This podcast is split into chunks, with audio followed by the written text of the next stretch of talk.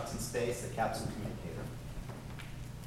But let me tell you a little bit about some of the missions controlled from this room. Now, the room right below us controlled the very first Apollo manned mission. But this room controlled the very first mission in Houston. Remember Ed White's mission? This is